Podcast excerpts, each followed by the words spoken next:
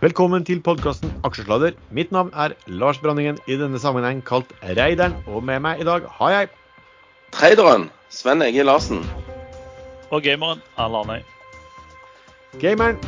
Velkommen til oss. Du er jo tidvis eh, hos oss. Eh, og da er det jo så veldig bra. Og du har, du har vært programleder så mange ganger at du husker jo som den klart yngste selvfølgelig disclaimeren vår. Selvsagt. Og jeg jo, var jo på ferie når du ringte meg i morgen og spurte om jeg ville være med, så jeg er jo godt uthvilt og hodet funker topp. Vi gir ingen råd. Dersom du hører på hva vi sier om markedet, aksjer, enkeltaksjer og liv for øvrig, er ansvaret helt og holdent ditt eget. Programmet spilles inn live, og feil kan forekomme. Panel og panelets gjester kan være lang, kort, direkte eller indirekte eksponert i aksjer, selskaper og produkter som omtales i programmet. Det var jo nesten, og det er nesten å bli kutta ut av sendinga allerede nå. Jeg rakk å finne den fram rett før du spurte. Du gjorde det, ja. Jeg, jeg tenkte jeg skulle kjøre full ydmykelse av deg i starten, men OK, den uh, gikk ikke. Um, Sven, la oss uh, starte som vi starter med hva, hva har du gjort i, uh, i, uken som har gått? Jeg får bare kjeft for at jeg ikke husker noe. Så det jeg husker er at jeg har kjøpt aksjer i et flyselskap som jeg skal snakke om litt senere i sendingen. Eller så har jeg kjøpt bjørnederivater både her og i USA. Og så har jeg solgt bjørnederivater med tap. Fordi at uh, ting tar tid når det gjelder nedgang, tydeligvis. Så vi får vente i spenning litt til. Eller så er det veldig lite trading som har skjedd fra min side. Ikke noe særlig profitabel uke, for å si det mildt. Mm. Eh, du da, Arne, du som, har, du som faktisk evner til å få, få deg en jobb, og en, også en topplederjobb av, av, oss. Har du gjort noe i aksjemarkedet i det hele tatt? Eh, ja, jeg har jo, eh, jeg har jo eh, lyst grønt hele uken. Uh, mye uran for de som følger meg på Twitter. Jeg skal prate mer om det senere. Men det er vel i stor grad uran det har gått i. Og det har jo vært en meget hyggelig uke etter to uker med litt trått i det markedet. OK. Uh, ja, for min del så var det jo sånn sist uke at jeg hadde hatt tid til å begynne å være litt mer aktiv enn jeg har vært før. Og har vært egentlig ganske aktiv i den uken som, uh, som gikk uh, også. Jeg hadde faktisk et selskap vi skal snakke om litt senere, cirka. Men det solgte jeg da på tirsdag. og takk for det. Um, og så hadde jeg noe sats som da ja, ble liggende i stilla, liksom. Og den eh, solgte jeg ut. Jeg har hatt eh, mye Aker, eh, og det solgte jeg ut for jeg skulle finansiere noen andre kjøp. Trada i ja, Explora på, på, på en rekyl der. Trada litt i Pasientsky. Eh, trada litt i Acetec. Og kjøpt litt mer i Subsea 7. Og også kjøpt litt i Argeo og også i et eh, konglomeratselskap som jeg skal snakke om litt senere i sendingen. Ja, Vi eh, bruker jo også å snakke om hva som har skjedd av, eh, av ja, nykommere eller eh, emisjoner. Eh, har det vært noen eh, aktivitet i det siste, Sven? Skuffende lite. Jeg vet ikke om vi må skylde på høstferie. Både, altså Nå er det høstferie på Vestlandet og i Trøndelag. og Forrige uke var det høstferie på Østlandet, så mulig at det, en, eh, at det er en faktor. Men uh, Carbon Transition uh, kom med en melding i denne uken og, på ettermiddagen og sa de skulle hente mellom 35 og 50 millioner kroner til kurs 1,30, som faktisk var over børskurs den dagen. De klarte å hente inn minimumsbeløpet på 35 millioner til 1,30, og har falt under 1,30 igjen etter det. Ellers så har det vært veldig stille på emisjonsfronten. Pågående emisjoner i uh, Autostore som skal på børs, og Aega som er på børs. Ellers lite. Men uh, ja, Carbon de skulle bruke pengene til å kjøpe seg inn i et sånn carbon capture-selskap som er notert på eh, CO2 Kapsol.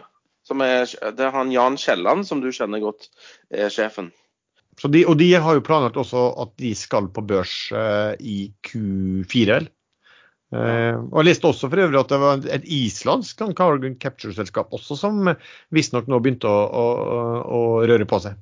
Ja, jeg tror sånn eh, karbonfangst er, er, er, kommer til å bli kjempehot. Ja, altså hvis du ser på Aker Carbon Capture, så er det vel vanskelig å si annet enn at det allerede er kjempehot. Ja, ja, det er det sikkert. Jeg tror det blir enda hottere. Mm. Det er sikkert like hot som uran. Men er der, eh, finnes det teknologi for å fange denne karbonen, eller er det bare drømmer og fremtidige inntekter? Nei, de har vel allerede. Altså, eh, jeg tror jeg så at Exxon er vel de som er verdens største på karbonfangst nå, mente jeg så for en, en stund siden. Så, så jeg, jeg kan ikke det. Men spørsmålet der er jo liksom er vel hvilke marginer får man hvis det her er, eh, altså er en, en type standardteknologi, og så er det om det da er aktører som har, og det er det helt sikkert, da, som, som jobber med andre typer type teknologier for å gjøre dette her på. Men det er jo en Ja, ting det, det, er jo det. Ja. det er jo det som er det spennende. Hvilken teknologi du kan faktisk benytte deg av den karbonen til å lage noe. Sånn som Bergen Carbon Solution skal lage disse fibrene sine. Ocean Geoloop skal lage noe fôr eller noe ut fra Altså pellets ut fra denne karbonen. Så det, det jo, hvis de kan bruke det til noe i tillegg, ikke bare spa det ned eh, langt under Nordsjøen, eh, så, så er jo det veldig hyggelig.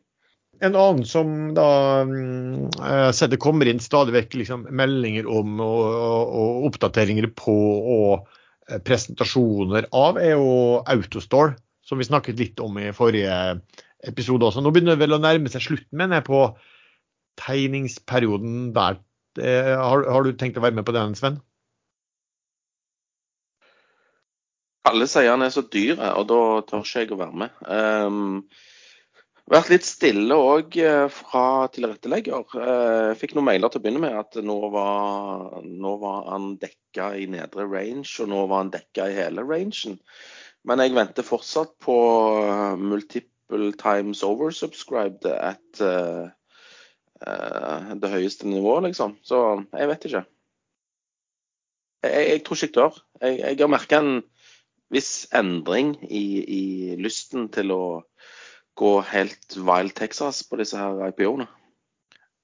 Men, eh, eh, altså, har det ikke vært flere runder med sånne fond inni det selskapet? Så liksom nå er sitronen pressa absolutt Jo, prisinga har bare skrudd mer og mer opp. Nå er indikasjonen rundt eh, 100 milliarder kroner. Og Jeg husker ikke hvor mye eh, Hatteland når de solgte det for opprinnelig, men det var en del mindre. Var ikke det som under 10 milliarder?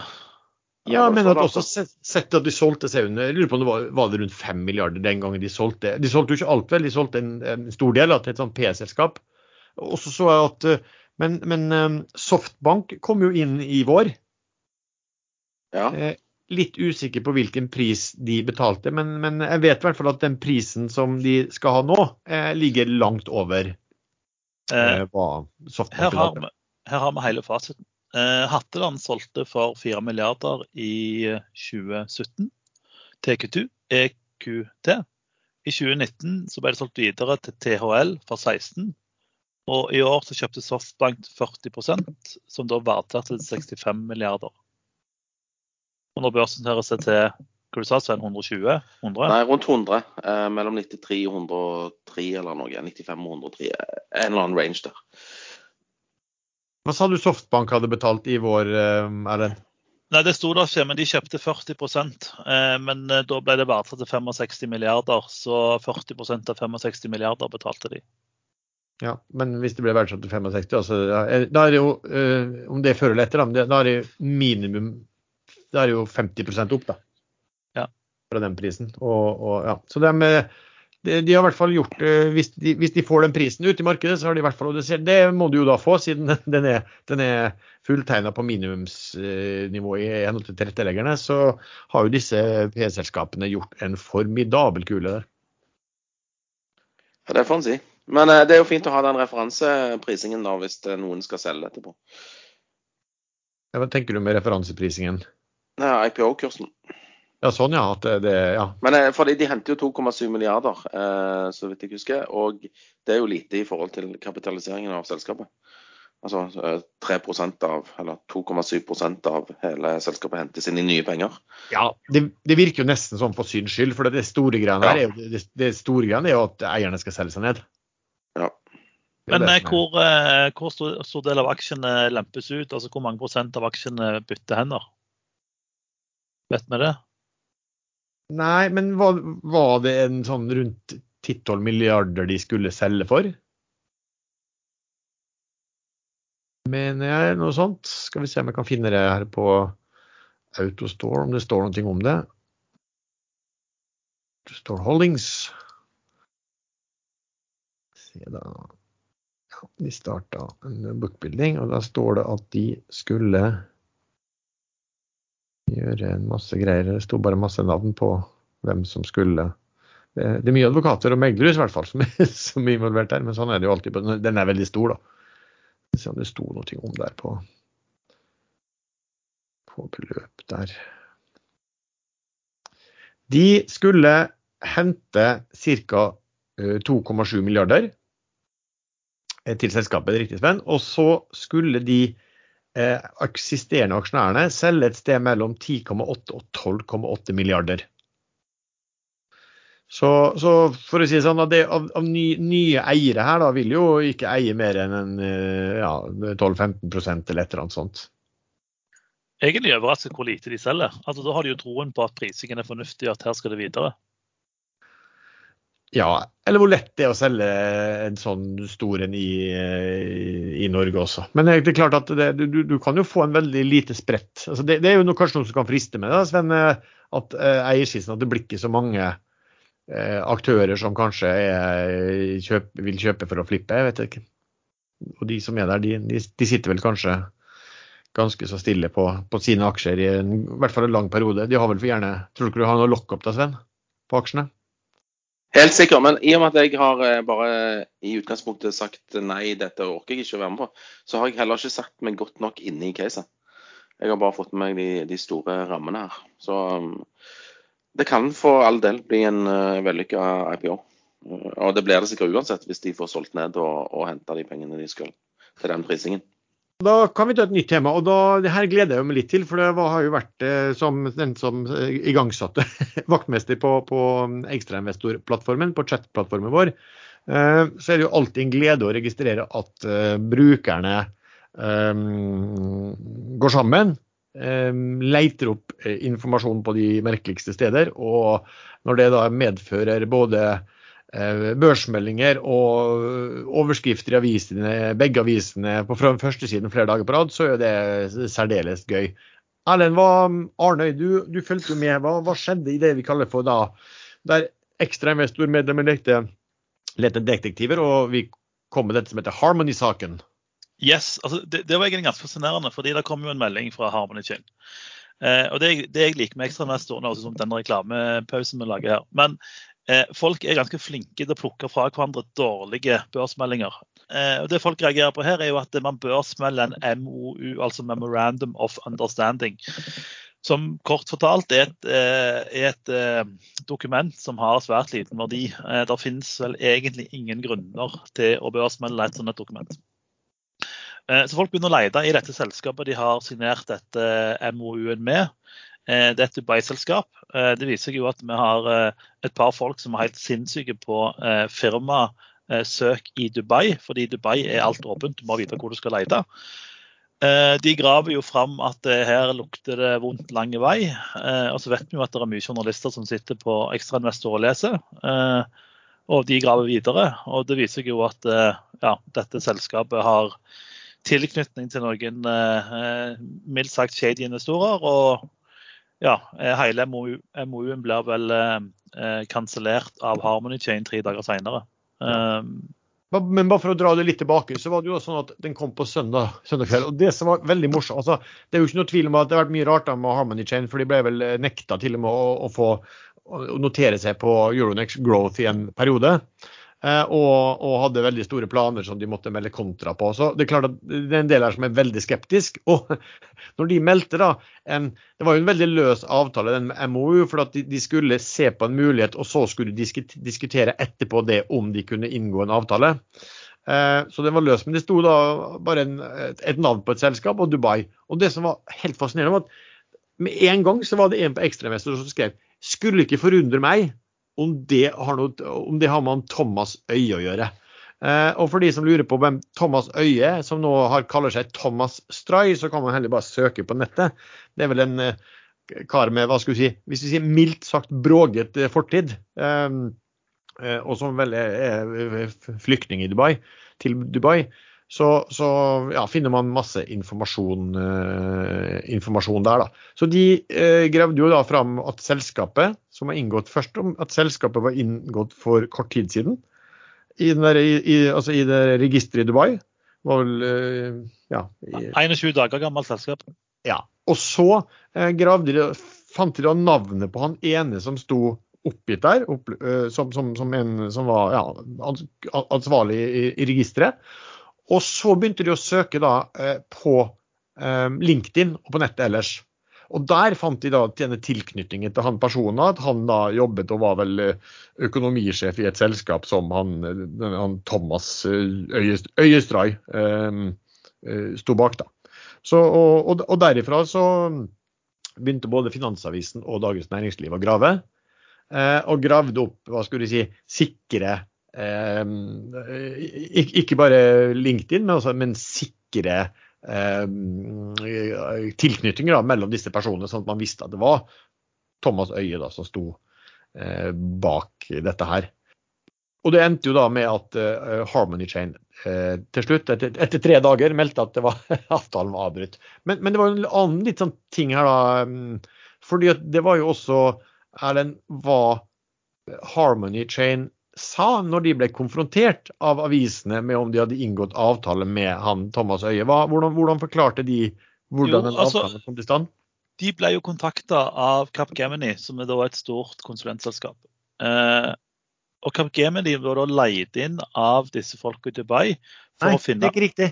De, unnskyld, men de ble leid inn av et norsk selskap som også var helt nystiftet. Eh, ja, altså, Rollen til Kapp var uansett bare eh, vi, vil, vi, vil, ha partnere i et eller annet land, kan dere introdusere oss?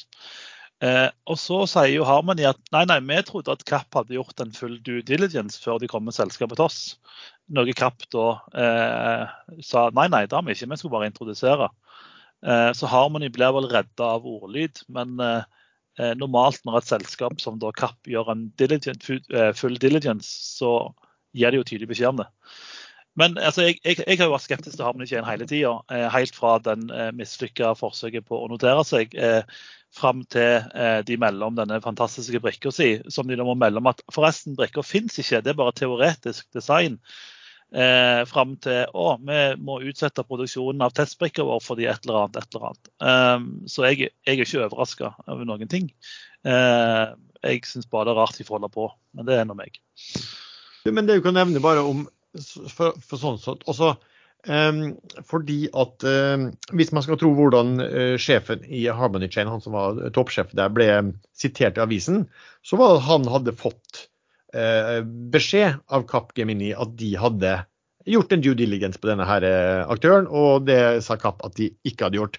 Så kan man jo da si en ting da, i, i hele greia, at faktisk da Kapp Gemini også, at de dette er jo tydeligvis en veldig dodgy aktør. Som når, når, dette her kommer ut i offentlighetens lys, som Harmony løper fra med en gang.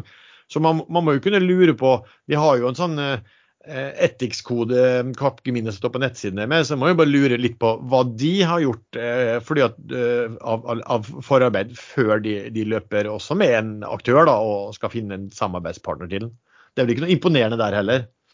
Nei, jeg, jeg, er ikke imponert over noen ting i, i denne saken. og det, Man ender jo opp med at alle kan peke på hverandre og si at jeg trodde, men at jeg trodde. og så ja, får det ikke noe. Men jeg, jeg tenker det sier jo litt om et selskap òg som på en måte igjen og igjen klarer å, tre, å, å grave seg ned i negative ting. Altså, Når du ikke klarer å bli notert på growth første gang, så bør du liksom OK, da må vi skjerpe oss. Og så bare Nei, vi glemte å melde at chipen vår ikke finnes, det er bare et teoretisk design. Altså, liksom, det er så mange ting hele tida. Så enten så er det med overlegg, eller så er de bare ekstremt amatører. Og da burde de jo leie inn noen som kunne hjulpet dem. For det finnes jo nok mennesker eh, i Norge som, som, kan dette med børs, og kan dette med meldinger til markedet, som kunne jo hjulpet dem å lufte nivået, så de slapp å måtte ja, trekke tilbake ting hele tida. Mm. Jallakongen var jo litt, litt uh, positiv, hadde jo det som litt case i forrige sending, og, og mente at uh, han trodde at de faktisk var, var, skikkelige. Det hadde jo vært litt artig å høre hva han uh, synes nå. Men som sagt, det kan jo være at altså, Det er jo det som hadde vært litt interessant å finne ut her, da, det finner vi vel ikke ut nå siden de har terminert den avtalen og ikke, sikkert ikke vil snakke mer om det.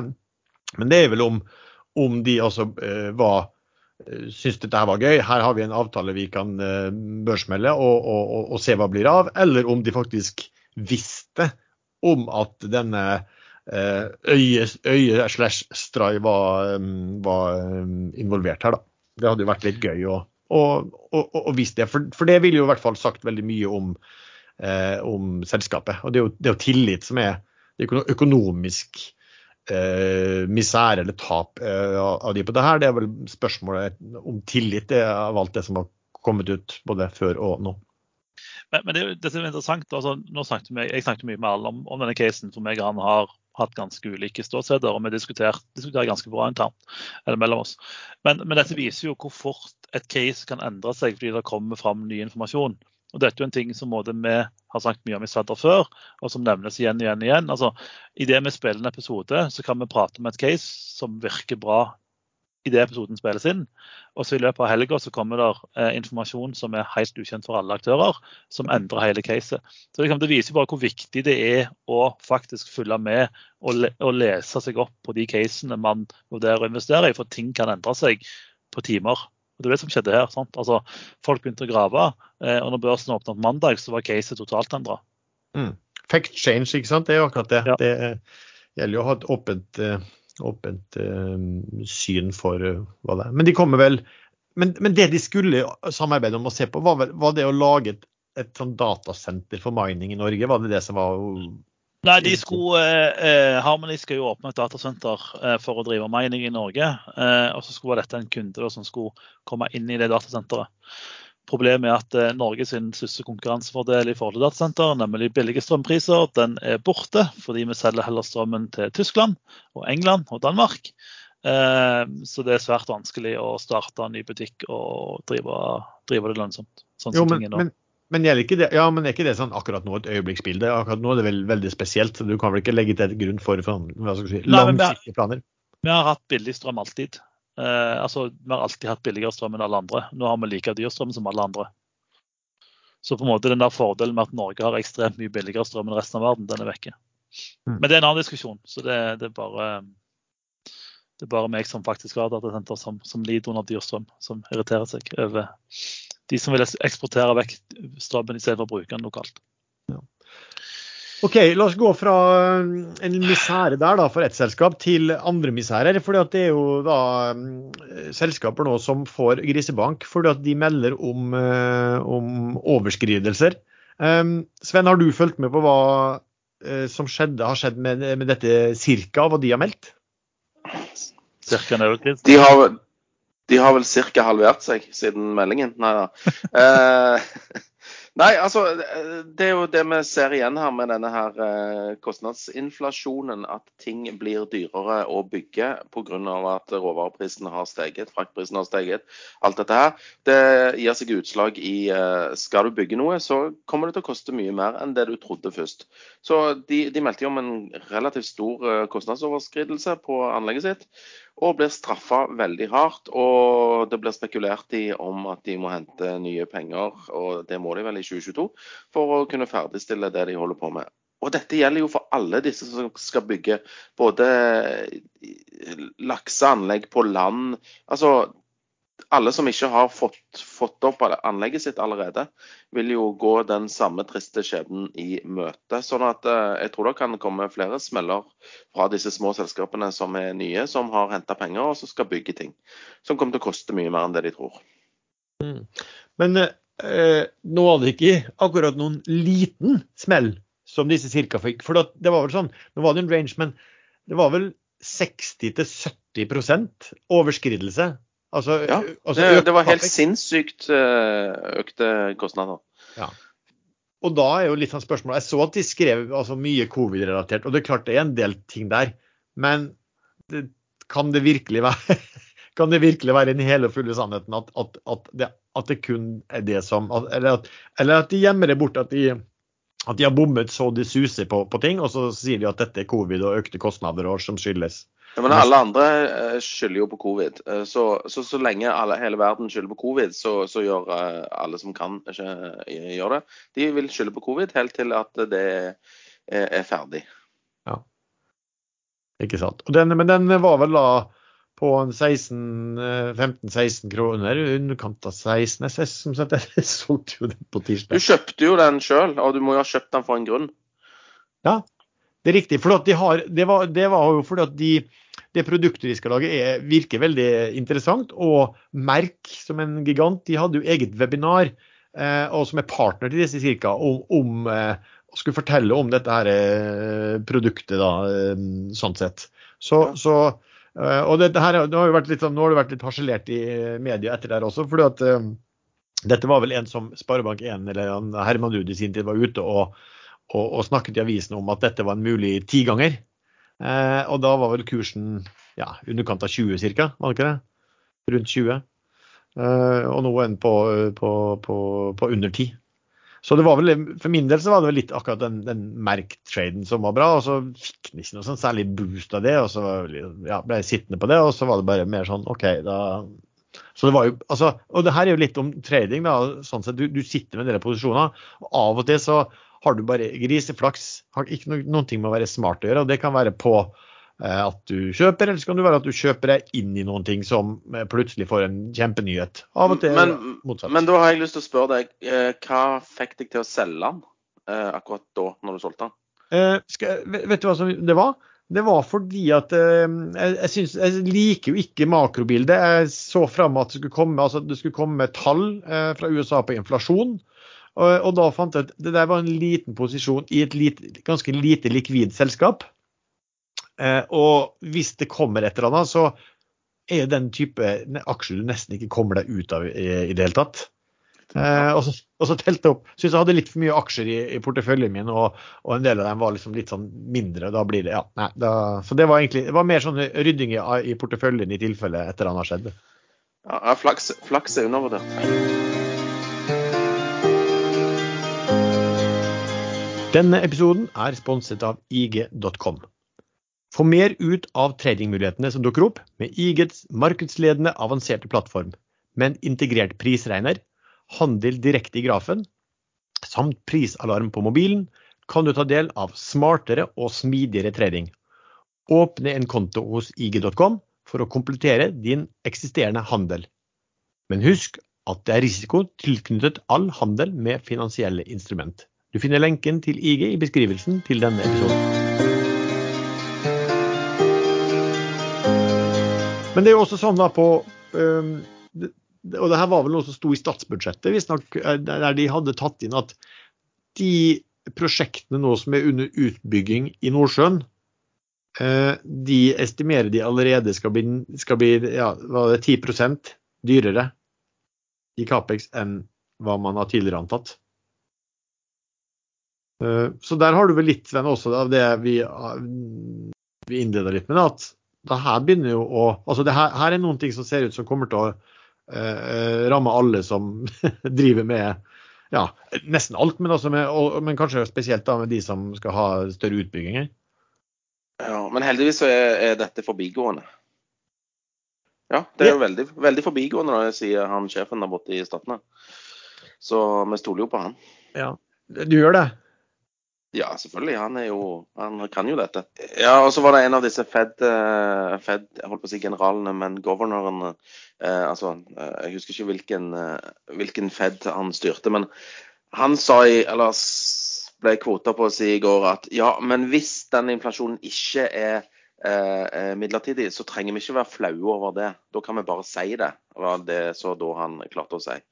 Så det har vel kanskje begynt å komme sigende at det var gjerne ikke så midlertidig som de først trodde likevel.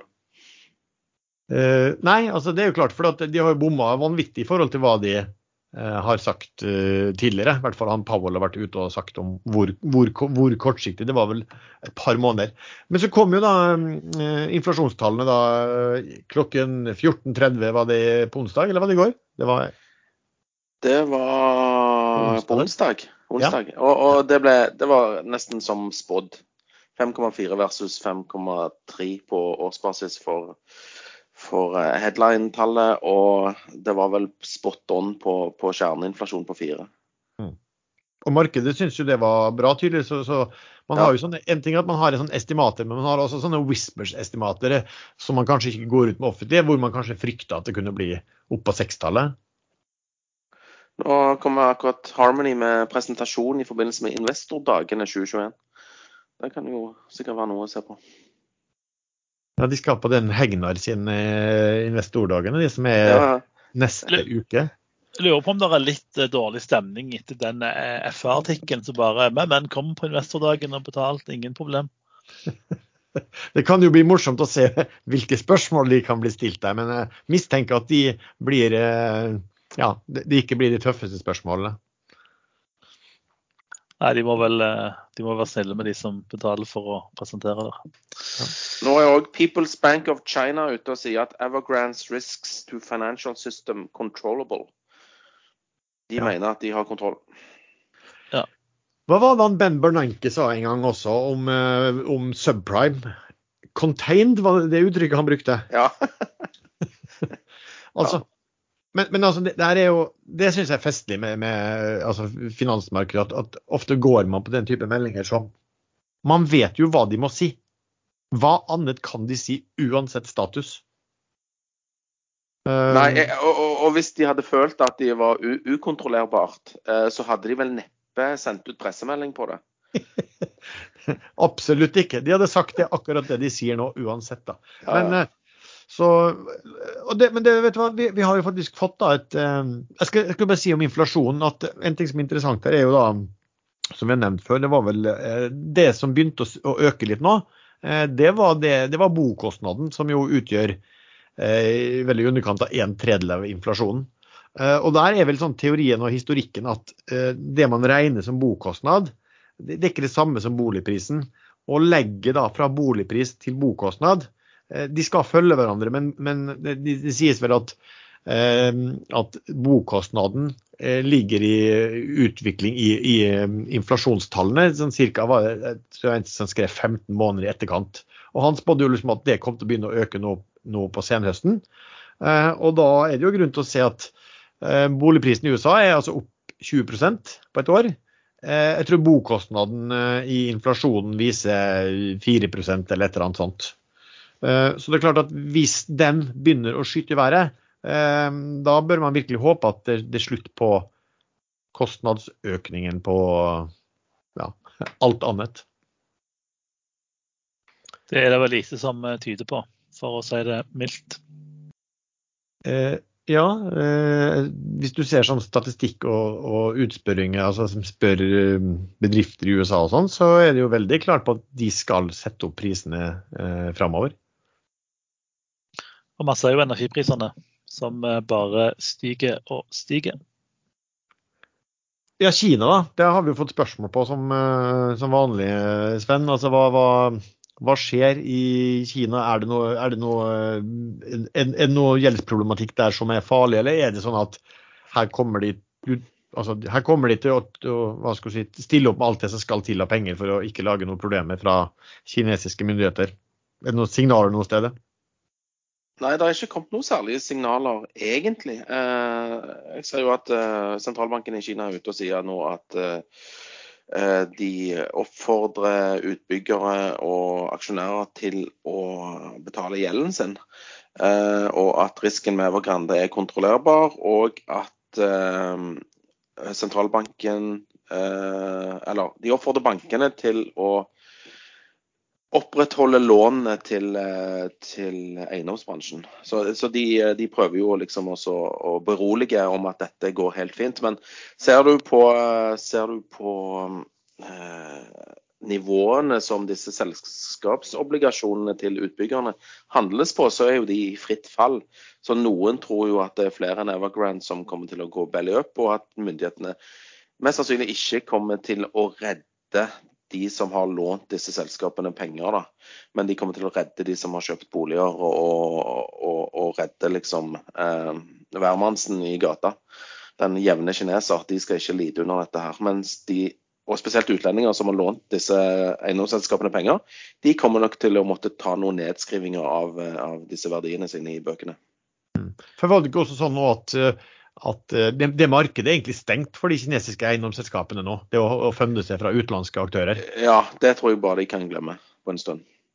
Ja. Så jeg, jeg tror vi må få en slags konsolidering i den der eiendomsbransjen der borte. Og så må tap tas. Eh, bygninger må fylles med kinesere. og takten, altså, bygning, altså De kommer til å roe ned selve boligbyggingen, tror jeg, for å få dette under kontroll. Mm. Men dette kommer jo til å smitte over til Europa òg. Men folk har ikke sett det ennå. Fordi kinesiske, som du sier, Sven, jeg tror også de kinesiske myndigheter i stor grad kommer til å redde egne innbyggere, for de tåler ikke eh, opptøyer. Det er liksom utlendingene som har lånt penger, som sliter. Men hva er det Evergrande har gjort som på en måte har ført inn i problemet? Jo, de har alltid budt mest for alle tomtene. Eh, og dermed vært den største kompisen til alle lokale myndigheter, og så har de bygd og så tjohei. Men flere av de store kinesiske selskapene har jo masse prosjekter i utlandet, bl.a. i London og andre storbyer. Og Der har de fulgt samme taktikk. By mest, få tomta, begynne å bygge, ta penger. Så jeg tror eh, Evergrande kan, eh, kan påvirke masse. Altså, jeg tror Europa bør mer påvirke enn kineserne, fordi myndighetene redder alle kineserne. Ja, Det er jo vanskelig å si hvor mye det er. Det er så som på Kina er jo da at um, det var slik at boligprisene i Kina i august de falt. Og det var sånn at de hadde falt i over halvparten av landets områder. Altså i provinsene, da. Det var vel, jeg husker ikke hvor mange av det, men det var falt i over halvparten av de.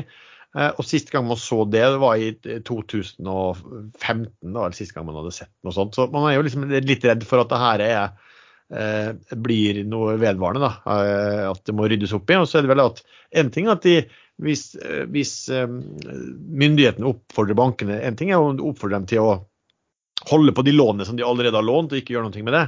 Men, men, men oppfordre dem til å gi videre lån for å sette i gang enda, eller fortsette å, å, bygge og sette i gang nye prosjekter. Var det noe, Sto det noe om det, Sven? Ja, akkurat, altså det, Sentralbanken i Kina er, holder jo tydeligvis en pressekonferanse eller noe nå, for det, det tikker inn med headlines her. Eh, og De sier at eh, relevant, relevante departementer og eh, lokale myndigheter eh, kommer til å løse eh, Evergrandes eh, gjeldsproblem according to law. Altså, Hva det betyr, det vet jeg ikke. De sier òg at authorities urging Evergrande to step up asset disposal and resumption of projects. Altså de oppfordrer Evergrande, uh, Myndighetene oppfordrer Evergrande til å fortsette å selge eiendeler og, og gjenoppta uh, byggeprosjekter. Så det virker som de er veldig på å berolige noen her. Jeg vet ikke hvem disse noen er, da. Eh, jeg tror ikke eh, obligasjonseierne blir særlig beroliget, men kanskje de som har kjøpt boliger og, og, og den jevne kineser blir litt beroliget om at eh, sentralbanken nå tar grep. Ja, for at her, her er altså, Nå blir vi sikkert tatt av lufta, så vi er jo, vi er jo superpopulære i Kina. Men det er jo hva skulle du si, et ettpartistyre um, i det landet der. Og de, det, et ettpartistyre kan vel egentlig bare styre så lenge befolkningen er fornøyd med at velstandsutvikling og alt det der. Og det er klart at hvis plutselig masse av de begynner å eh, tape mye penger på, um, på eiendom, eh, så kan det bli litt mer sosialt eh, ubehagelig i det landet, kanskje. Så... Men vi har jo egentlig venta på at det skal komme et eller annet fra myndighetene i Kina om dette her. Og de har jo vært relativt uh, stille fram til nå i dag, da. Mm. Uh, så ja, vi får se. Men tror du, tror du, ikke at det kan være fordi at de, de, trenger tid på å finne ut hva er omfanget? Altså, en ting er Evergrande, men det er jo, det er jo også masse andre av disse eiendomsselskapene også som, som altså hvor obligasjonsprisene stuper og, og ingen vil, vil, vil, ta i dem med en tang. Så det er kanskje at, de, at når de først gjør noe, altså de, at de må skaffe seg en kontroll på hvor stort problemet er, sånn at de ikke kommer med en eller annen løsning som på, på, på fredag og så på mandag så viser det seg at det er altfor eh, ja, alt for lite and, and it's gone. ja, ikke sant. Det var de pengene. Ja, nei, jeg vet ikke. Jeg, jeg, jeg, vet ikke hvordan disse kineserne som bestemmer, tenker. Det får vi kun vite i ettertid. Erlend, du er jo du er jo kryptointeressert. Vi, har faktisk, vi to har jo faktisk en egen gruppe på Facebook vi, som heter Kryptoforum. Um, og um, nå har du jo begynt å se du, altså Jeg registrerer jo bare at, at bitcoin uh, dundrer opp uh, igjen. Kan ikke du fortelle oss hva, hva, hva, hva, skjer, skjer i krypto for tiden? Nei, det, det skjer flere ting. Uh, det som sannsynligvis driver det nå, det er jo at SEC i USA er fryktelig mye mer positive til bitcoin. Eh, og da sånne bitcoin-fond eller bitcoin future og diverse andre produkter. Um, så det er vel gjerne det som drar markedet mest akkurat nå. At eh, de, de, som regulerer i USA, de sier at bitcoin det er ikke så farlig, dette vil vi ha mer av. Men så har man jo på en måte det som skjer i andre land. Altså Nå hadde vi jo El Salvador som innførte bitcoin som eh, betalingsmiddel for noen måneder siden, to måneder siden. Eh, Brasil skal stemme over, eller har stemt over. Eh, den avstemningen antar alle at går igjennom å innføre bitcoin som betalingsmiddel. Så liksom, det er et sånn generelt positivt sediment for bitcoin i store deler av verden, som gjør at eh, bitcoin da stiger. og ja, Jeg har ikke fulgt med på kursen den siste timen, men man håpet jo at man skulle hoppe over 60 000 dollar for en bitcoin eh, i dag. da. Så får vi se hva som, hva som skjer. Men, men hva, hva, skjer da? altså En ting er bitcoin, men hva skjer med de andre, alle andre typer coins? Hvordan har det vært for de, de, de, de, som er verdt å nevne, i hvert fall? Eh, mange, mange, av de her såkalte altcoins de faller jo fordi folk flytter penger fra altcoins til bitcoin. Eh, av eh, ja, Ethereum stiger bitte litt, Cardano faller mye. Så, ja. Ethereum og bitcoin stiger ofte sammen, og mye annet faller når de stiger, fordi folk flytter penger. Og Det pleide jo sånn det ofte har vært. altså Bitcoin har jo ofte steget, eller Ethereum har steget, og så har det gått en periode, og så faller de tilbake, og så stiger altcoins igjen. Men nå er det bitcoin som er tilbake og dominerer på, på haugen. Mm. Så, det, men det er da sånn at siden det her nå at eh, SEC legger til rette for tradinger, så oppfatter kanskje folk at si, risikoen er mindre, og at myndighetene skal det har liksom alltid vært spekulert, myndighetene skal gripe inn og sånn. De sjansene blir eh, særdeles mye mindre når SEC og når de store investeringsbankene gjør det til et si, romsrent produkt. da. Ja, og så er det vel mange som håper at det skal komme enda mer eh, penger inn i bitcoin. At på en måte når SEC endelig godkjenner, så skal det bare renne inn penger. Jeg tror vel ikke at altså, I dag er det såpass lett å investere i bitcoin via diverse produkter og selskaper at jeg tror egentlig at de som vil, de har mulighet. Så jeg, jeg helt personlig jeg har ikke troen på at en endelig godkjenning fra SEC vil føre til at eh, nå begynner alle å handle bitcoin. Eh, men, men, men, det er bare meg. Jeg syns det er mer spennende at disse landene nede i Sør-Amerika begynner å bruke bitcoin og viser faktisk hva, hva verdi det har da, eh, i forhold til dagens system på en del områder. Så jeg, jeg tipper dette er forsøk på å frontrunne SEC sin avgjørelse. Så når SEC godkjennes, så skjer det ingenting, og så faller det tilbake. Good. Um, var det noen av dere som forresten fikk med seg at uh, Alcoa er jo de som alltid de er altså den, den, første aktøren som er ute og melder uh, resultatene for uh, tredje kvartal. Det er alltid når de, når de skyter i gangene. Eh, det som var litt interessant der, og som, som, er noen ting man sikkert kommer til å få høre mer om også Nå snakket vi jo akkurat om, om kostnadsgalopp på, på, prosjekter og sånn. Men eh, det de uttrykte, og en annen aktør uttrykte, var eh, at de var bekymret for tilgangen på råvarer. Altså, det vil si at De bruker tydeligvis mye magnesium i aluminiumsproduksjon, og det var også silisium. Og Da var de bekymret for tilgang på det, og en aktør i denne området sa at det var på aluminiumsprodukter så kunne det bli rasjonering til kundene.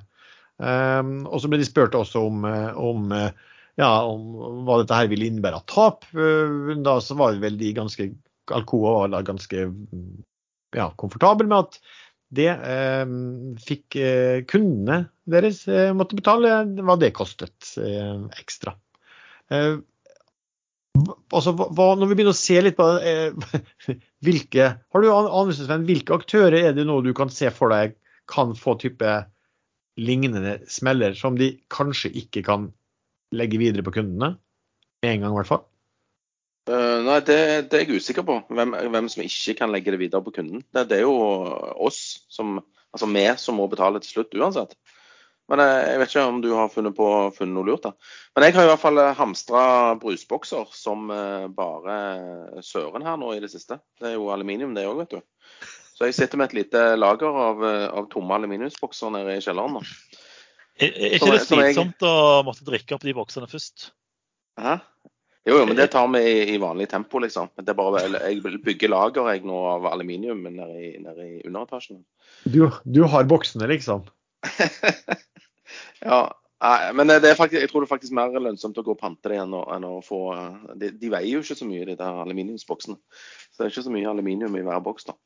Nei, eh, eh, jeg har ikke tenkt så mye på eh, hvem er det som ikke klarer å få disse økte kostnadene over på sluttkundene sine. Men eh, siden du tar det opp, Lars, så vil jeg tro at du har tenkt ut noe lurt.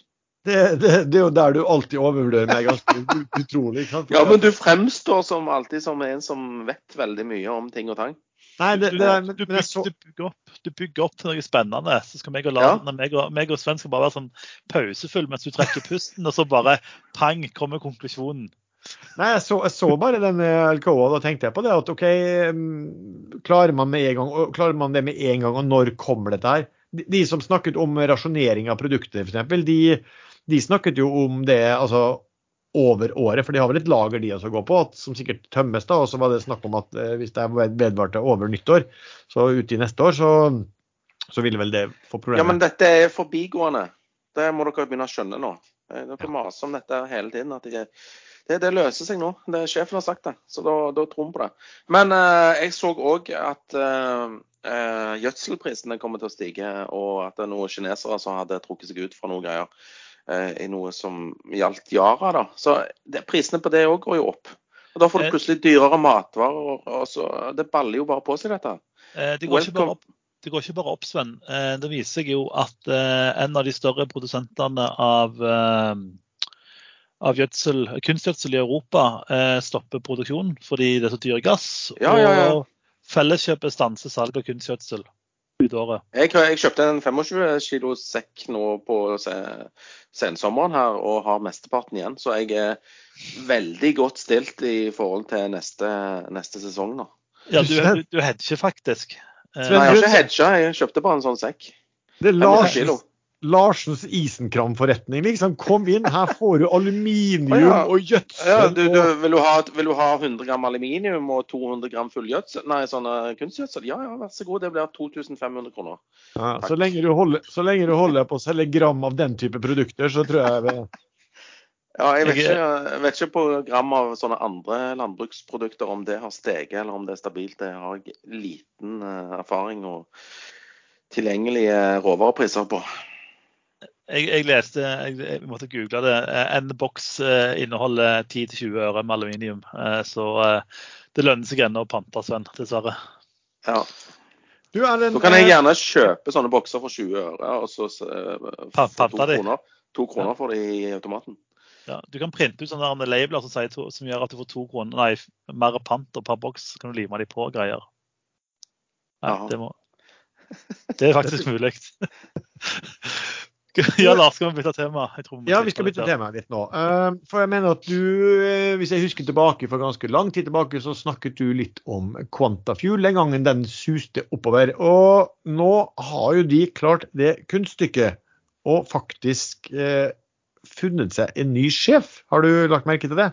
Eh, Ja, jeg så det faktisk. Jeg har ikke fulgt Quantafuel fordi jeg eh, har lurt ut på hva i all verden de holder på å rote med. Eh, jeg syns konseptet de holdt på med var ganske kult. Eh, jeg syns det de skulle løse var ganske kult, for det er et eh, reelt problem. Men eh, så holdt de på med denne sjefsjakten sin da, i, i månedsvis. Og da har jeg egentlig bare droppa hele selskapet, fordi når sjefen går på dagen og ny sjef ikke er klar, så er det noe som lukter. Så jeg har faktisk ikke fulgt noe mer enn at jeg har notert de har fått seg ny sjef. Og bra for de, og så håper vi at de får rydde opp og eh, komme i produksjon, sånn at vi kan redde verden for farlig plast. Men det ble veldig godt mottatt at de fikk seg ny sjef, fordi at eh, kursen ja, litt ned i dag, da, men kursen i går den steg jo, steg jo kraftig. Den steg 11% på meldingen om at de etter Det her skjedde vel i, i, i sommer, eller hva? Så eh, etter tre måneder så har de klart å funnet eh, seg en sjef til han som, han som forsvant. Det, det, som er spørsmålet, er på en måte hvor mye, eh, skal ut av skapet. Altså, Det må jo ha vært en grunn til at den gamle sjefen stakk. Eh, det må ha vært en grunn til at de sleit med å finne en ny sjef. Eh, så spørsmålet er jo bare hvor mye skal nå ryddes eh, før, eh, før ting snur positivt igjen, da. Ja, og det der er veldig interessant. for Jeg husker jo fra mm, min gamle tid i, i, i bank, så var det alltid snakk om at når du, når du fikk inn en ny banksjef, så ble det rydda godt i eh, både tapstall og alt sammen. Fordi at du, du ville liksom ikke ha eh, tapene til forgjengeren eller som ikke var tatt på forgjengeren. De ville ikke du ha på din kappe, på en måte. Eh, og det, det, gjelder jo veldig mange ofte når, når, du skifter, altså når du får inn nye sjefer, så ser de på det. og der man kanskje tenkte at ja, ja, det der går nok bra, det der går nok bra. Um, så vil en ny sjef uh, si at nei, vi, vi, vi nedskriver det, vi, vi, flytter på tidspunkter, guiding på det og de, de tingene. Uh, sånn at fordi at alt det som skjer der, vil ikke bli oppfattet som hans skyld. Ikke sant? Det vil bli oppfattet som de tidligere skyld. Og da skaffer man seg også litt sånn eh, hva skal vi arbeidsrom da, på at det du har sagt, det, det ja, kan du levere, tror vi. Så Det blir jo spennende å se da, hva som skjer med, med, med Quantafuel. De har vel en ja. Og, det, og, det, og, Dette bør jo skje rimelig fort. altså Normalt så skjer det jo i løpet av den ja, første uken, den første måneden etter ny sjef har tatt over. Så vil jo på en måte alt det, det gamle, negative og sure eh, komme fram, sånn at han på en måte får rydda, rydda kontoret og huset og gjort klar for eventuelt videre opptur.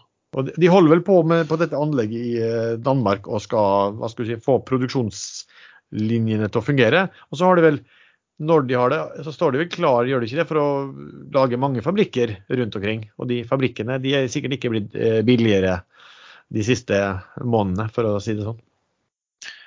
Jeg eh, tenker at jeg ikke sitter over den Nå har jeg ikke aksjer, da, men jeg, å sitte over den Q-rapporten der tror jeg jeg skal sitte langt inne. Men etterpå så kan det jo være at eh, selskapet faktisk er ganske interessant. Så det blir spennende å, å se hva som eh, skjer. Mm. Uh, fikk en mail her fra, fra Fearnley her nå. De hadde et sånn offshore drilling-seminar uh, i går. Uh, jeg gadd ikke høre på det, for jeg trodde jeg visste hva som kom til å skje der. Men de sier nå at det var veldig god stemning på seminaret i går. De sier at 64 aktive rigger eh, er, er, nå i arbeid, og bare én uncontracted unit available eh, når det gjelder drillskip. Sjette og syvende generasjons drillskip. Eh, de estimerer at det vil være behov for 75 eh, enheter neste år, og det betyr at det er en eh, en underdekning på åtte til ti eh, drillskip neste år. Så de uh, sier at de tror at uh, uh, disse, opp, disse drillskipene i opplag må reaktiveres. Og da kan det jo bli fest for disse ratene, som nå er mellom 240 til 300 000 dollar dagen. Og de tror at de vil stige til neste år. Så det ser bra ut i, i rigg. Og de sier at uh, skal du kjøpe rigg, så skal du kjøpe Valaris, DVD, Noble og Oddfjell. Ja.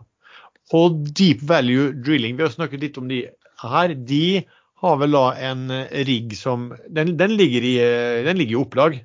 Eh, I påvente å bli aktivert, altså i påvente at markedet er bra nok. Men tror ikke du den bare ble solgt til en av de som har litt flere rigger? Det jo, må jo være veldig slitsomt å drive en sånn ja. drillingorganisasjon med én rigg. Ja, det er, det er, jo det er sant. Spørsmålet altså, det, da, hva, hva, har de eh, riggselskapene hva har de av kontanter for å betale for noe, noe De kan betale, betale, med aksjer. Ja, ja. Ikke sant.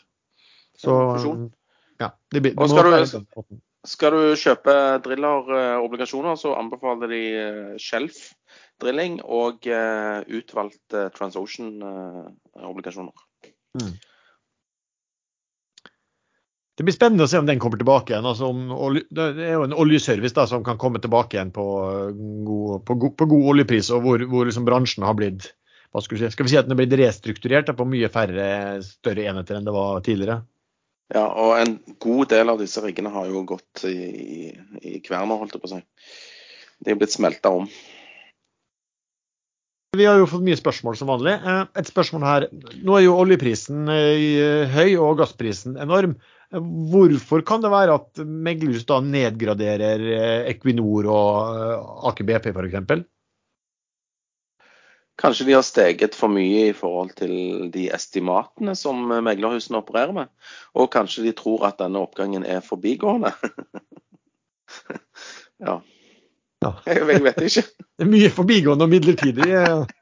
Ja, men altså, han er jo veldig troverdig, han sjefen i USA, da. Han Paul. Powell.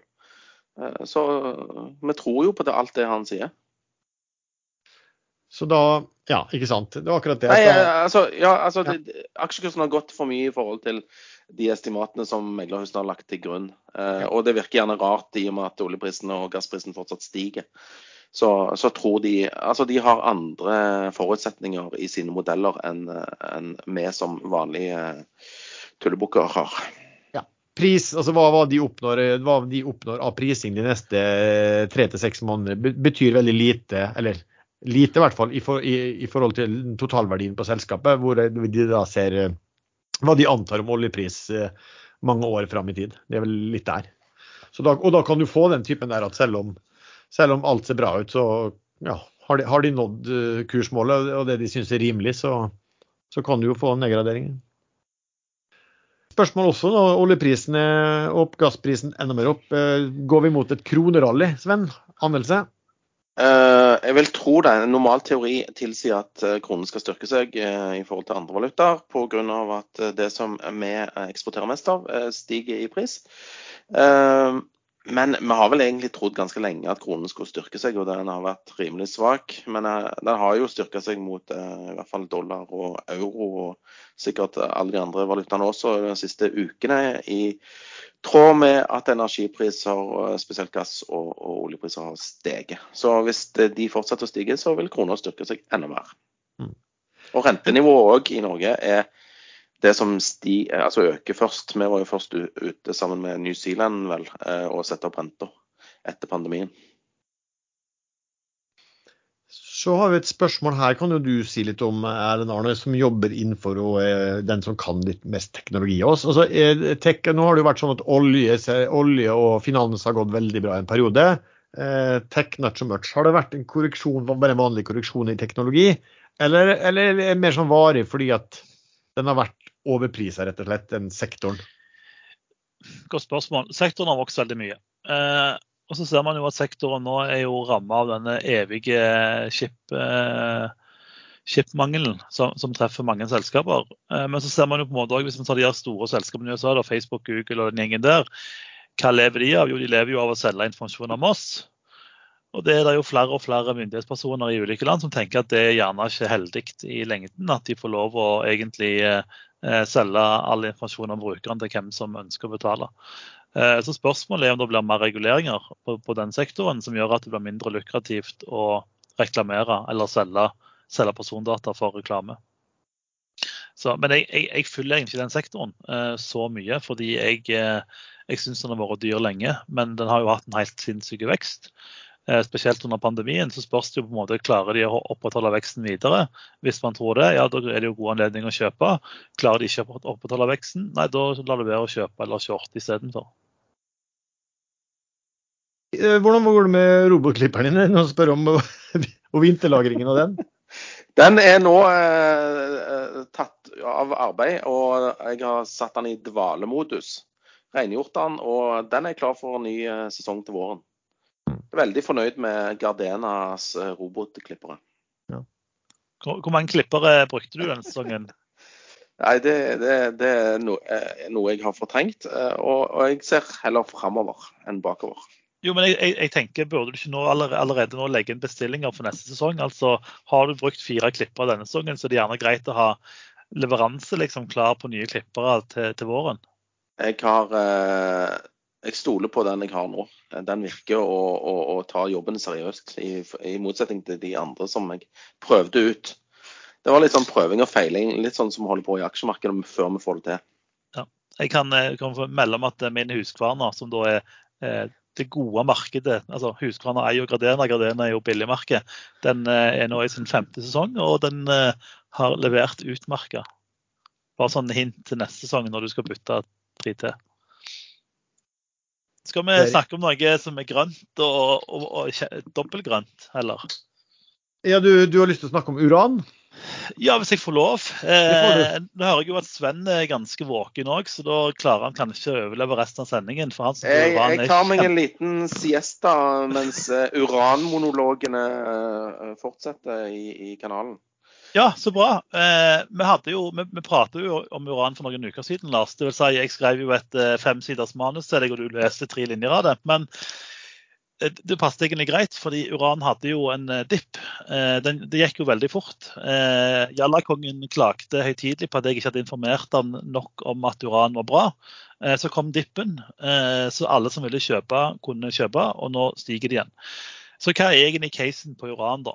Nå stiger jo gass og olje fordi man innser at vindkraft og solenergi ikke alltid funker. Uran har vært i et bearmarked siden 2011, etter Fukushima.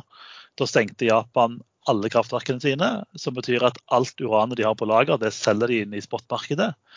Så fant tyskerne ut at de òg vil stenge atomkraft, og begynte å selge sin eh, uran. Eh, så på en måte prisen har ligget nede i 20 dollar. Eh, alle har tapt penger altså av gruvene, og, og det har vært skikkelig skikkelig bearstemning. Eh, så begynner en del gruver å tenke at vi må få opp prisen, fordi eh, vi tjener ikke penger. Og i fjor så ble det eh, utvunnet 75 av årsforbruket, ned fra 80% året før. Og i år blir det utvunnet enda mindre. Så på en måte, hvis man ikke får opp prisen, så stopper alle gruvene. Det som er litt skummelt, er at når ei gruve skal starte produksjon igjen, så selv om, altså Hvis de har et område de vet er uran, fra de starter å bore hull i bakken, for man borer hull når man skal hente uran, til man har ferdig produkt, så går det minimum 18 måneder, men det kan gå opp i tre år. Så dette er ikke bare sånn som med olje, hvor du bare kan Shale og USA putte en sugerør i bakken, så har du olje to dager senere. Her går det lang, lang, lang tid.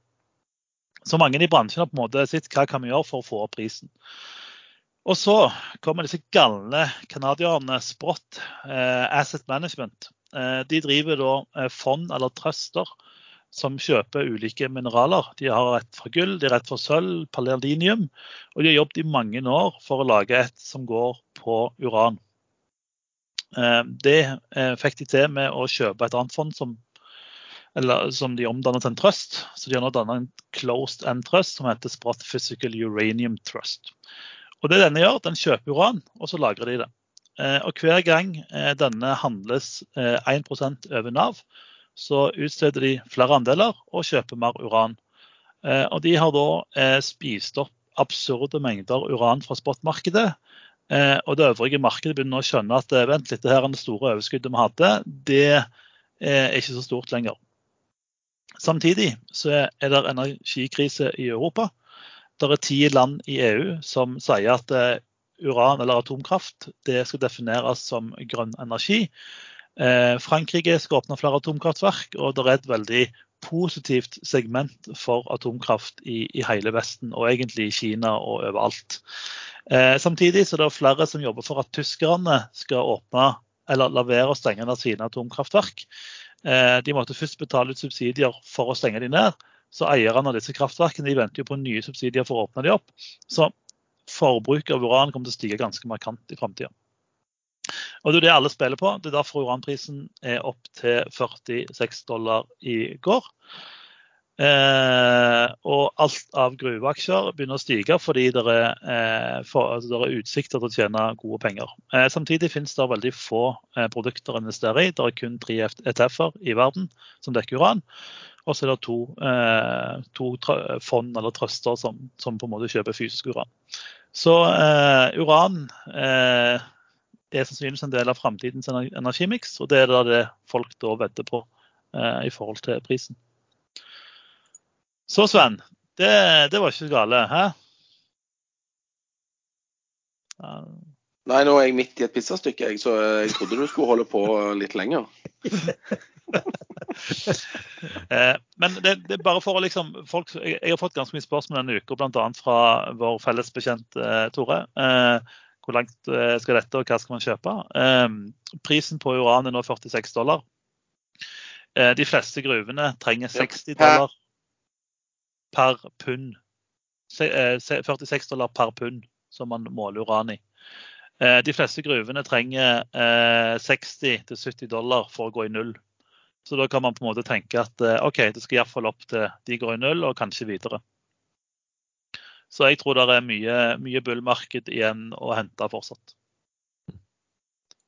For de som ønsker å investere i det, så kan jeg jo si at det er tre, eh, det er tre sånne ETF-er som finnes. Den ene heter URNM. Den omsettes i USA. USA-børsen. Eh, Northshore Global Uranium Mining ETF. Så har du en i London som heter GCL, som da heter Geiger Counter Limited. Fancy navn. Så har vi en som heter Hurra. HRURA. HURA. Den er notert i Canada. Horizon Global Uranium Index.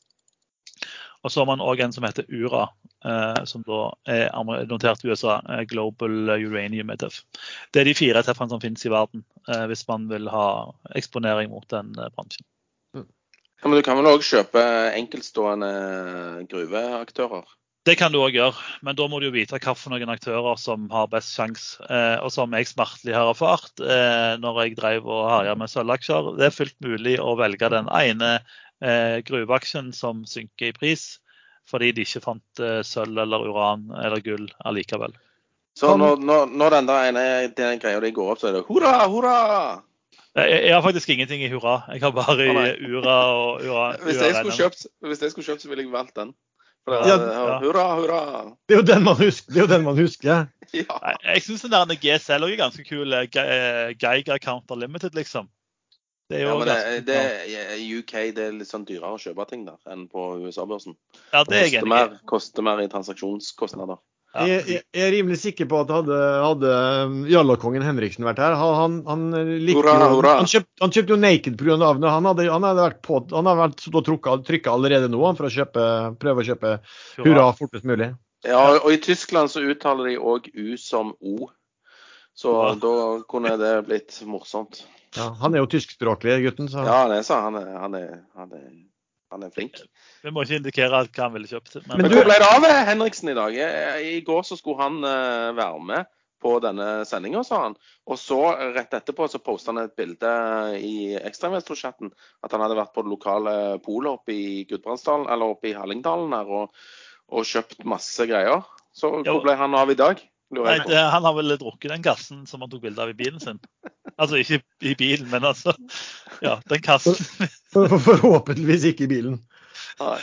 Nei. Nei, men han, han, jeg vet ikke, han, han, er vel blitt er ikke han blitt nærmest sånn vaktmester for et sånt eh, byggelag oppi der, da? Så han går vel rundt der fra hytte til hytte og innyndes seg, tenker jeg, og ber om å få seg en almis og en liten drink? Ja, Bare ikke han er blitt offer for den høstjakta som er i gang der oppe. Huff. Du mener de kan ta feil av han og en bjørn, liksom? Ja, eller en rype. det må være verdens største rype i så fall. Ja, da har du grå stær, for å si det sånn. Ja, kanskje han blir tatt for en grå stær i stedet. er det, er det skuddpremie på de også? Ja, jeg er usikker vi, vi, får vel se hva, hva Han kommer vel med halen mellom beina neste torsdag og spør om han kan få være med det, da. Ja, da skal han vel hevne seg på meg, så ikke er med neste gang. Sånn ja, men du har jo ikke sagt noe slemt ennå, har du det? Nei, jo, det er noen småkommentarer, med mindre de forsvinner ja. i stemmen din. Så det oh, OK. Nei, men skal vi, Jeg skal skifte noe dekk på noen biler og sånn. Hvis vi bare kunne kommet oss av gårde her nå, så Nei, ja, det er derfor vi, Nå skal vi ta det siste vi bruker å ha eh, hver episode. Eh, om du har noen favoritter for kommende uke? Om jeg, om jeg, har? Ja. Ja, ja. ja.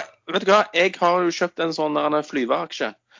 Uh, jeg forventer ikke at den skal fly av gårde med en gang, men det er ting på gang nå som uh, jeg tror kan uh, sørge for at flyaksjer og spesielt nordiske eh, aktører kan, kan, få en god, god tid framover. Eh, det meldes om fulle fly, eh, i hvert fall hos Norwegian for tiden. Eh, mask, altså ansikts... Hva det heter den der masken du har foran Jeg glemte hva det heter på fagspråket. Munnbind. Munnbind, ja. Munnbind. Det er ikke lenger obligatorisk på Norwegian fra mandag av eh, når det gjelder innenlandske og nordiske flyturer Tipper det kommer til å smitte over på de europeiske flyturene etter hvert. SAS og KLM og hele den gjengen der har sendt ut mailer om at nå åpner snart flytrafikken til USA. Så derfor, og jeg vet at Norse Atlantic ikke starter opp før eh, tidligst Q1 2022. Eh, jeg tror de kan komme seg litt oppover igjen, og jeg har kjøpt aksjer der på 14-tallet. Emisjonskursen når de gikk på børs var 20. Jeg forventer at den framover på forventninger vil stige opp mot emisjonskurs. Så det er den jeg har kjøpt denne uken. Jeg sier ikke at dette kommer til å skje allerede neste uke, men jeg vil tro at det kommer en slik sånn positiv eh, buzz rundt flyaksjer, og at verden åpner opp for vanlig transport. Mm. Så dette, det, det er min tanke. Ja, bra. Eh, så det var vel eh, Norwegian som kom vel DNB i dag med en analyse og sa ja, De kutta, de kutta vel kursmålet, men det var bare fra 17 til 16, så de var vel da ja, optimistiske også. Um, Erlend, har du noe spesielt som, om ikke ukens favoritter, men som du har som, som favoritt? Ja. Nei, Nå har jeg jo prata mye om uran, så jeg eh, sitter jo relativt tungt lasta i gul kake, siden uran er gull. Men jeg har to aksjer utenom. Jeg har en liten post i Asetek, eh, fordi jeg syns den fikk for mye bank. Eh, de hadde jo noen dårlige nyheter og, som kom eh, ca. når Evergrande traff børsen. De falt masse, så jeg har vel putta ca. 1% av porteføljen min i den aksjen fordi jeg tror han skal opp. Fordi den fikk for mye bank. Og så har jeg putta 0,5% av porteføljen min i Argeo. Og det er kun fordi jeg så eh, et annet medlem i aksjestadder på eh, aksjonærlista. Jeg aner ingenting om selskapet, men når eh, andre satser tungt, så tror jeg de har mer peiling enn meg. Så det er liksom de to tingene jeg har kjøpt som ikke er uran. da. Men du, du eh, Svensk Gaming, ingenting om det i dagens sending? Nei, det er faktisk relativt surt segment for eh, all gaming eh, i hele verden. mye handler om korona. Eh, de som tror at hjemmekontor er effektivt, de kan se på gamingbransjen. Fordi i gamingbransjen så er det veldig tydelig når folk produserer senere. Eh, og jeg tror samtlige store spillprosjekter som er planlagt lansert i 2021 og i første halvdel av 2022, er forsinka. Så det er veldig mye som har falt. Så det er liksom ikke så mye å snakke om annet enn at det har falt fordi covid. Uh, ja, for min del det, var det meg du henviste til når du oppdaget, visste at noen hadde kjøpt litt Argeo i det siste? Det er helt korrekt. Eh, jeg lurer på om noen av stasjonærene Lars Tradingfond altså de bare tracker hva du gjør, og så kjøper de aksjer der. Eh, og Så jeg bare henger meg på de, jeg, og så kjøper jeg litt, jeg òg. Stakkar. Uh, nei, altså, den, Vi har jo snakka litt om den før. Um, og da var det vel at uh, det her var vel mer sånn langsiktig. Det var ikke noe sånn spesielt som skulle skje i den nærmeste tiden. Nå begynner det vel kanskje å komme dit hvor hvor, hvor, ting kan skje. Altså, bare sånn For å dra det helt, så er det altså noen som eh, Det er undervannsdroner egentlig som de bestiller, som de kjøper fra Kongsberg og Teledyne. Eh, og så mm, med masse sensorer på, og så um, gjør de oppdragene og bruker det på en, på en sånn. Da. Så får de produsert data over hele sykelen, fra survey og til ja, ferdiggjøring. Eh, og fått gode, gode tilbakemeldinger på det. Eh, det er jo fortsatt litt sånn tidlig fase. De, de hadde én million. De har akkurat fått den første eh, og, og får den neste nå i kvartalet, dette kvartalet.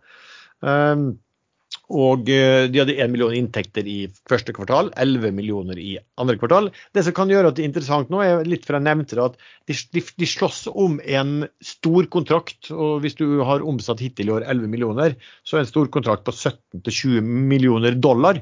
Eh, er da ganske stort. Eh, og den har det vært snakk om at skal avgjøres i oktober, men det skal være litt sånn uklar tidsgrense på den. Eh, og skal du tro meglere, så er det de eller en annen aktør som kan få den. bortsett fra det, så, så, så der kan det jo komme en, en, en trigger på kontrakt, kontrakt, der, da. Eller ikke.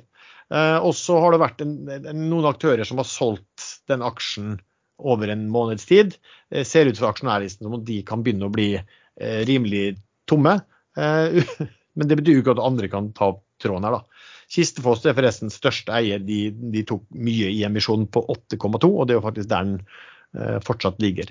Den andre, som er lenge siden snakket om, det er følgende som fikk meg til å, å, bli, å, å gjøre litt regnestykke på det. Det er nemlig at flere av meglerhusene begynte å snakke om Valenius Wilhelmsen. Uh, og uh, økte kursmålene. Både Pareto og Fearnley snakket om et sterkt marked. Altså, tross da lavt bilsalg, så er det sånn at de asiatiske aktørene de prioriterer eksporten sin. og det gjør altså at det, det er jo lave billagre allerede. Og det gjør også at dette som man kaller for Roro-markedet, shippingmarkedet, eh, har det sterkeste markedet sitt siden 2008. Um, og eh, de, de, har også noe En ting er at de vanlige biler, og her er det jo mye elbiler som skal eksporteres, men det, det er også et sånn high and heavy segment, og det er på vei opp. Uh, og flåteøkningen er begrenset uh, de, i hvert fall de neste tre årene. Så det var vel det var Pareto som, som nesten begynte å sammenligne det her med med containerbransjen, at her kunne det bli eh, mangel på skip. Nå har Valenius gått litt på det, men derfor vil jeg bare se, se på de som er stor, den store eieren av Valenius, og det er jo børsnoterte eh, Wilhelm Wilhelmsen Holding. Så jeg gjorde bare en sånn kjapt regnestykke på det, og så vel at verdien av aksjene som de har i Valenius Wilhelmsen og den bastarden vi har snakket om, Treasure, eh, utgjør mer enn eh, børsverdien til eh, Wilhelmsen Holding. Det vil si at du får alt de holder på med eh, gratis eh, på børsen. Eh, og der er det bl.a. de har en stor, eh, stor, virksomhet innenfor Maritime Services, som ja, ligger på en EBD-takt nå på oppimot 100 millioner dollar i året. Så hele Wilhelmsen Holding, VVI, den prises nå av en markedsverdi på ca. 8 millioner, og bokførte verdier er på 20 nei, 80 milliarder, da, og bokførte verdier på 20 milliarder, så en pris bok på 0,4. Wilhelmsen har ikke framstått som veldig hva skal vi si, aksjonærvennlig, ikke veldig framoverrettet. Men det er klart, hvis, hvis dette bilskiptransport og high and heavy transport virkelig kommer, eh, slik man tror, og de, disse som er en eh, ganske voldsom rabatt eh, på, på børsen, så kan denne her bli en veldig bra aksje å sitte på med framover. Forhåpentligvis. De der viljene de har jo eh, tradisjonelt vært priser til en enorm rabatt hele tiden. Ja. Så da må du få en slags trigger, type bonheur, eh, som, som, gjør at ting faktisk blir prisa litt mer. Ja, jo, kan, ellers kan du få det at folk sier at den rabatten er noe større enn noensinne. For på Valenius Wilhelmsen-aksjen har gått veldig bra på børsen i, ja, ja, ja. i periode. Men Wilhelmsen Holding har egentlig ikke gjort det samme. Så du har blitt, fått en enda større rabatt da, um, enn vanlig. Men det, det som kanskje kan få folk til å se litt på den, er jo, men, men det, du, det, du, må se på som kanskje trigger, er jo da dette Roro-markedet.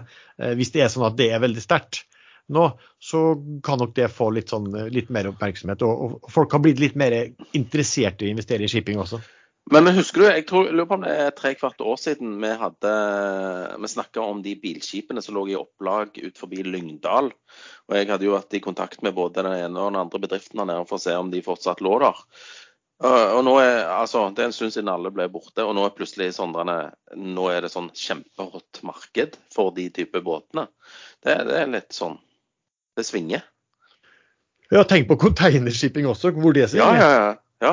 Faen, helt du hadde jo faktisk den MPC container. Hva var det emisjonen var det på? Den var på én krone eller et eller annet sånt. Så den var på én krone, ja.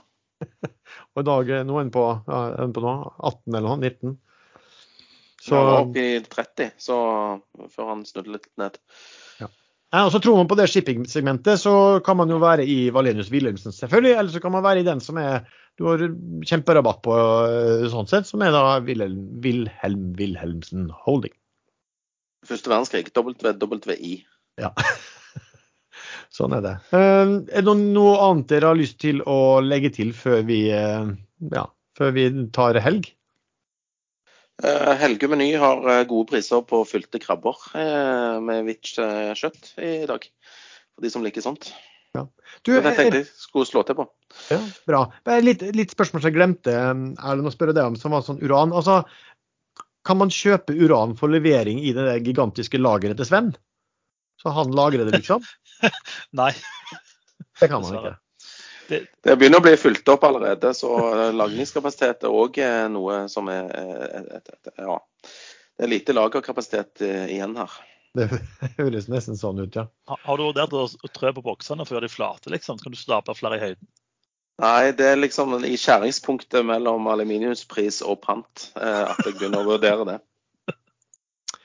Veldig bra. Da takker vi til alle dere som har hørt på denne episoden.